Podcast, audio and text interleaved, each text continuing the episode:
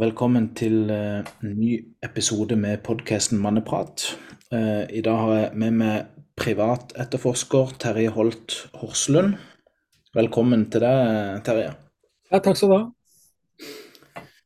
Uh, ja, vi har jo snakka litt, og, og, nå er vi her. Og du er jo den første privatetterforskeren som er på podkasten. Ja, det kan jeg tenke meg. Det er jo ikke så mange av oss. Jo, har du en oversikt på, på hvor mange det er, eller? Nei, jeg vet ikke. Hvis en skal ta litt sånn uh, Nå har jeg jo vært i bransjen i, ganske mange år, da. Um, det er vel en fire stykker av oss som driver stort, og som på en måte Livet nærer seg på det. Det er veldig mange privatetterforskere som er tidligere politifolk. Politimennesker har jo den fordelen at de ofte går av tidlig med pensjon. Noen allerede i 57 års alder. Og da er man som regel ikke ferdig med, med yrkesaktive livet sitt, så det er en del av dem. Og så er det noen andre, da, som blant meg, som uh, driver med det her på heltid. Disse politifolka får jo en hyggelig innbetaling fra Nav en gang i måneden, som vi andre ikke får, i hvert fall normalt sett. Så vi må jo prøve så godt vi kan å, å leve av dette her, da. Det er ikke en bransje som man blir steinrik, det er det ikke. Men når man eh, liker å jobbe med dette her, så er det det viktigste. Mm, mm. Ja. Og du har holdt på en god stund, har du ikke det? Ja, jeg begynte vel innen det med sikkerhet og privat etterforskning allerede i 84 eller 85. Etter en eh, tid i utenlandstjeneste for Forsvaret. Og så var vel det som falt meg nærmest, eller nærmest, da, for å si det sånn, jeg var ferdig med utenlandstjenesten. Mm. Mm. Og det som interesserte meg mest den gangen. ja. ja. Mm. Ja, så det, Gikk det seg litt til, eller begynte du, begynte du starta du opp eh, ganske tidlig da, etter den utenlandstjenesten? Jeg begynte jo da som vekter ganske tidlig etter jeg kom hjem. og det har gått liksom slag i slag derfra. Da. Innen sikkerhetsbransjen noen år. Jeg eh, har også vært innen, innom andre eh, sider av sikkerhetsbransjen, sånn som teknisk sikkerhet også. Innen med kameraer og varesikring, lås og beslag og sånne ting. Så jeg har egentlig en veldig bred bakgrunn når det gjelder eh, sikkerhetsyrket og etterforskningsfaget da, fra lang tid tilbake. Ja, spennende, spennende. Eh, så, så ja, eh, hvordan er livet til en eh, privat etterforsker bak Hva skal jeg si? Skulle til å si bak murene, men det er jo ikke det bak, bak det, det, vi andre ser, da. Jeg, jeg vil jo anta at du, du, er involvert i en del ting og har vært involvert i en del saker og ting og tang som kanskje ikke vi andre vet så mye om i løpet av alle disse årene.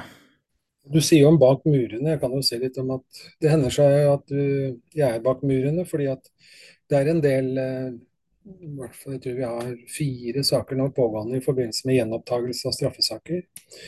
Og da er det jo i noen sammenheng folk som eh, sitter inne, og folk som føler seg eh, feilaktig dømt, som soner både lengre og kortere dommer.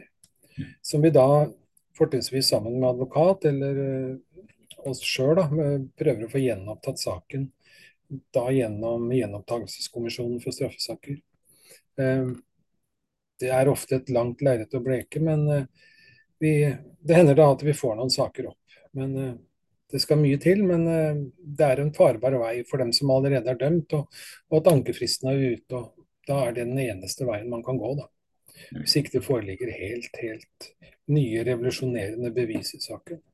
Mm. mm. Så det er litt innen det òg. Det er det. Og så ja, Det er egentlig alle typer saker. Alt fra, som vi snakka om litt før i dag, det med utroskap både innen eh, parforhold og utroskap økonomisk, og utroskap i forbindelse med jobben. Det hender seg jo at det er noen som driver butikk i butikken, for å si det sånn. Jobber noen steder og selger ting, eller stjeler ting på jobben sin som de selger svart og tar inntekt for sjøl. Mm. Så det, og, og ja, det er, mange, det er, mange, typer saker. Det er ofte observasjonssaker vi er ute på. Mm, om noen er til stede der eh, det mistenkes at de er. F.eks. Eh, eh, folk som jobber for et firma, og så er det spørsmål om de drar ut på jobb på morgenen for å selge varen sin eller andre ting. Hvis hovedkontoret eller kontoret ligger i et annet distrikt, så er det ofte sånn at vi til tider også kan ta jobber som går på det. Um, I noen sammenheng så er det jo en del svindelsaker ute og går. Jeg har avslutta en sak for en tid tilbake som eh, gikk på en en utenlandsk mann som um, fikk et firma registrert på navnet sitt på et sviktende grunnlag. Dvs. Si han Det var noen uh, som registrerte firma, han, et firma på mannen i Brønnøysund på bakgrunn av et falskt pass. Og Brønnøysund godtok det falske passet. og han, Vår klient hadde da en hyggelig mm, kredittrating. og til slutt så viste det seg at de hadde tatt ut varer for ca. 1,5 million på hans navn i det firmaet. Og det var en ganske tung etterforskning. og til slutt så havna alt dette her i forliksrådet. Vi måtte, jeg tror vi var i forliksrådet sju eller åtte ganger for å få, få stoppa dette her. Og til slutt så klarte vi å få alle saker av mannen. Og han uh, har i dag en uh, bra kredittrating, og alle sakene er lagt bort. Og det er da mange firmaer som da har blitt lurt for mye penger. Men uh, det er beklagelig. Det er jo en viss risiko med å drive business, da. Mm. Ja, ID-tyveri og litt sånne ting, eller? Ja, dette er jo, kan man karakterisere som et ID-tyveri, for der var det jo rett og slett hans navn som ble brukt, og det ble etablert et firma på hans navn med da et uh, et falsk falskt pass, italiensk pass, som eh, grunnlag. Og jeg synes vel at Brønnøysundregistrene der gjorde en ganske slett jobb når det gjelder å verifisere mm, ID-en på personen. Ja. Det, det, mener jeg. Og kjølvannet og alt dette igjen, så skjedde det jo masse Jeg vet at en av hovedpersonene der ble pågrepet og putta i varetekt. Og det er flere som har blitt anmeldt um, i kjølvannet av det. Mm. Ganske omfattende sak som ble etterforska i Oslo. Ja, ja. Uh, har du noen gang, uh, la oss si at du har vært ute på et oppdrag eller uh, relatert til spaning eller noe, har du liksom Kan det være noen ganger at du også kan kjenne litt på din egen sikkerhet og, og sånne ting, eller? Det, det, har jo skjedd noen ganger at man skal være forsiktig. Nå har vi vel ikke kommet dit hen at vi har blitt eh, Når jeg sier vi, vi har jo, eller jeg har jo en fire, fem, seks stykker som bistår ute eh, i området her rundt Lillestrøm og alle andre steder i landet eh, i forbindelse med spaning og observasjon. Men eh, vi, vi, prøver ikke å dra det så langt så vi blir utsatt for verken trusler eller andre ting. Da. Det, er viktig. Da er det mye bedre å avbryte framfor å bli avslørt. Men vi har jo vi har jo i åras løp drevet med det vi kaller for kontraspaning. Dvs. Si at det er jo mennesker der ute som føler seg påspana. Og i hvert fall i en del saker så har det jo vist seg at det var kollegaer, mer eller mindre gode kollegaer, som dere har drevet spana på vedkommende, som vi da har avdekka. Mm. Det, det, er ofte, det er jo ubehagelig. Folk kan jo kanskje si at de føler seg litt, er litt paranoide, men som regel er det i det. da. Mm. De føler at noen henger etter dem eller følger etter dem på gata, så kan det være litt eh, Litt ubehagelig, selvfølgelig. Og de ønsker jo gjerne dette her avklart. Mm, mm. Har du hatt uh, noen saker som har vært uh, så tøffe at det også har påvirka deg personlig, eller? Det vil jeg vel ikke si. Det er noen barnesaker jeg har hatt noen ganger som har påvirka meg litt. Grann. Uh, jeg kan ikke si så mye detaljer om det, men vært vært uh, utenfor Norges grenser og henta et barn uh, og fler noen ganger. Og det er sånne saker som på en måte påvirker en i ettertid. Mm. Føler jeg på en måte. Det er jo saker som selvfølgelig er helt 100 stuerene. Det har jo da vært kjennelser både i Norge og kjennelser i det aktuelle landet som, hvor, hvor, hvor, det er bestemt hvor barnet skal være hen. Mm, og i de sakene så har vi alltid hatt med den ene forelderen ut. og Forhandla på en god måte og fått med oss barnet hjem, da. Men du ser jo mye mm, sorgens greier, for å si det sånn. At det er, eh, det er alltid to foreldre, og hvis den ene da ikke oppfører seg ordentlig, men den har jo likevel det er glad i barnet sitt og har en foreldrefølelse, naturligvis. Det er vel sånne saker som henger litt i, men uh, utover det så er det vel ikke noe. Man, litt flåsete å si det, men man blir vel litt sånn tykkhuda etter hvert, da. Mm. Og man skal vel ikke ta med seg jobben hjem heller når man stenger døra, selv om den jobben her eh, henger på en 24-7, som du sikkert forstår. Mm. Mm. ja. Og det er litt sånn eh, Ja, eh, som privatetterforsker da blir du kontakta til alle døgnets tider og, og, folk i alle typer livssituasjoner og kriser, da, for å si det sånn? Man gjør jo det. En privatetterforsker blir som regel kontakta etter at man har prøvd mange andre veier. Mm. Og mange andre veier kan være at uh, hvis det er en straffbar handling eller noe kriminelt som foregår, så er det jo ofte politiet som først får saken. Mm. Og så blir jo Politiet har jo begrensa ressurser. Politiet har begrensa både det ene og det andre. Og på bakgrunn av det så blir jo sakene ofte dessverre henlagt. Og så er det kanskje noen advokater som er inn i bildet da, for å påklage henleggelser osv. osv. Og, når det ikke går, så kommer, de, kommer klientene som regel til, til oss privatetterforskere for å se om vi kan hjelpe dem med å Mm, få rettferdighet til saken, dvs. Si saken opp på nytt, eller få løst saken på en måte. Mm, mm.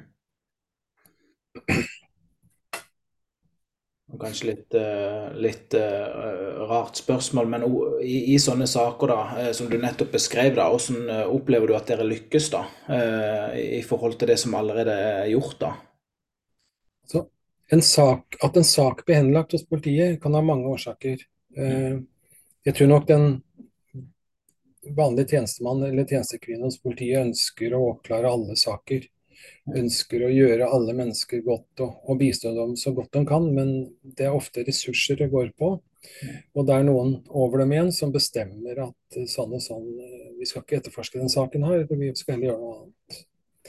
Og Derfor sett så blir saken ikke rørt mange ganger. Og da kan det være at vi på en måte vi gjør noe mer etterforskning, får mer fakta på bordet og får presentert det for politiet, så hender det seg ikke veldig sjelden, det er ganske ofte faktisk, at politiet gjenopptar saken på nytt. da. Mm. Og starter en ny etterforskning, fordi at da har vi jo prøvd så godt vi kunne da, for å finne ut litt mer av mm, det faktiske forholdet i, i saken. Mm. Ja, For dere har tilgang til mer ressurser da, eller? Nei, det er ikke nok det, men det er fordi politiet ikke får lov til, eller at politiet ikke har kapasitet til å etterforske den spesifikke saken. Mm. Jeg, jeg, kan ikke fortelle at det er alle typer saker, men mm. i mange sammenhenger dessverre så blir sakene henlagt hos politiet. Mm. Av kapasitet eller av andre hensyn. Mm. Det er beklagelig, men uh, det gir oss litt å, å, gjøre, selvfølgelig, da. Ja, ja. Og i noen sammenheng så blir det jo til at vi samarbeider litt med politiet for å få saken mm, mm gjenopptatt, da, selvfølgelig. Mm, mm, ja. Mm. Eh, du sa litt om det til å begynne med, eh, men du sa det var både altså, type utroskapssaker, eh, privat, mm. men også yrkesmessig. Er det noen andre typer saker eller ting dere blir kontakta for som, som er en gjenganger, da?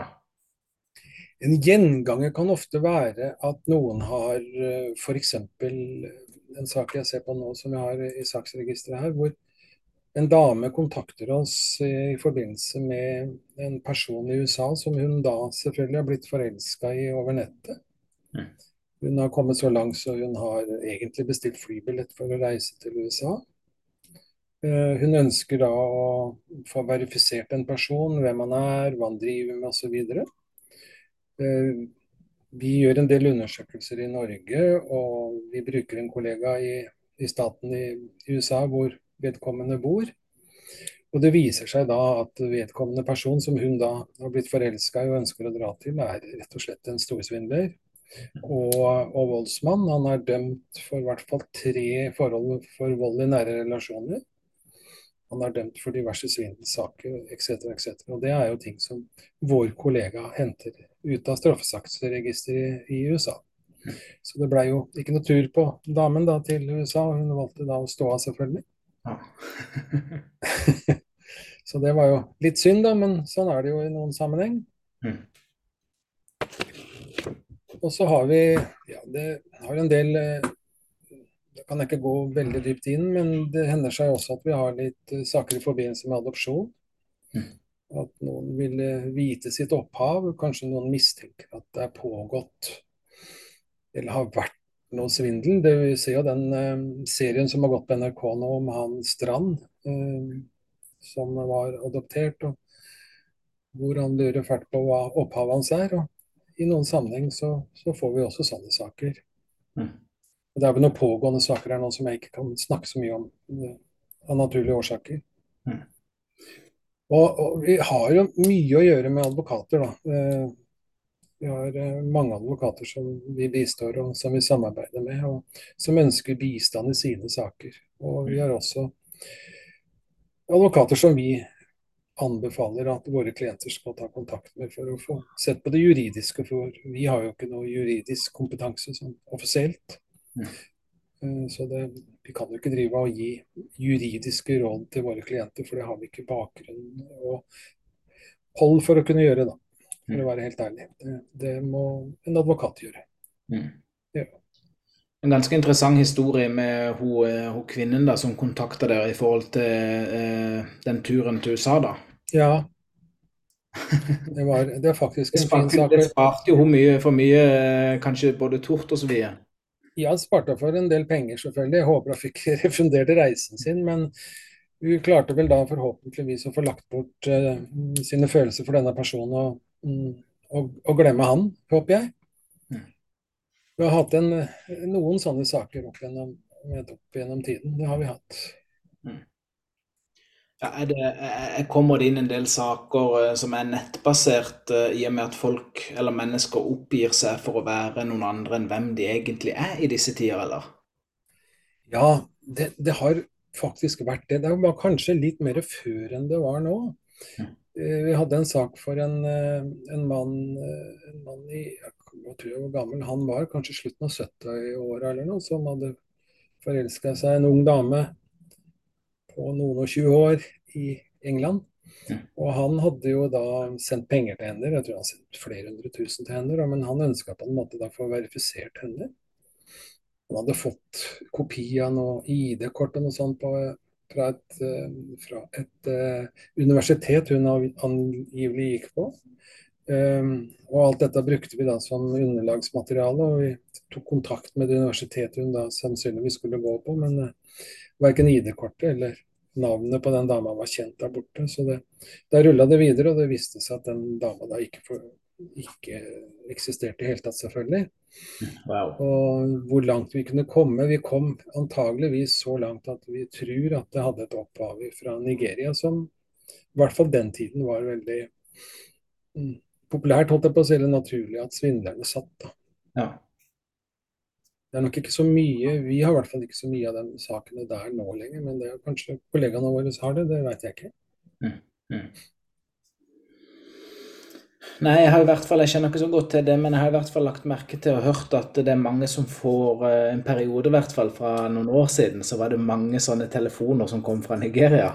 Ja, det var det, vet du. ikke sant? Vi har, vi har hatt veldig mange sånne saker før hvor, eh, hvor, hvor det ble helt definitivt brakt fram at det var, det var folk i Nigeria som satt og jobba med det. Mm. Men det er klart, de har jo kanskje blitt flinkere nå, og så har vel kanskje folk også blitt litt mer mm, flinkere og mer analytiske når man får en eller annen merkelig e-post fra et rart sted. da. Ja. Hadde bl.a. et firma for noen år tilbake som eh, selger båter. Mm, litt sånn ja, ribber og sånne ting. Som Mm. da hadde eh, Tror de inngått en avtale med et, eh, et selskap i Jeg husker ikke, det var et eh, vestafrikansk stat. Jeg husker ikke helt i huet nå. Og var i ferd med å skippe dette her og hadde kjøpt inn nye båter for å skippe nedover. Men det viste seg at det bare var svindel. Dvs. Si at de, de trodde de handla med regjeringa i det landet de holdt på, men eh, Kjeltringene hadde da kopiert eh, de offisielle myndighetssidene til eh, det landet, og brukt, brukt det da, med, med, og lagt seg inn på sin egen side.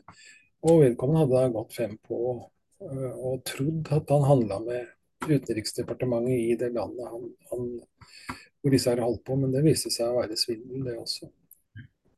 Ble heldigvis stoppa i tide. Da. Mm. Ja.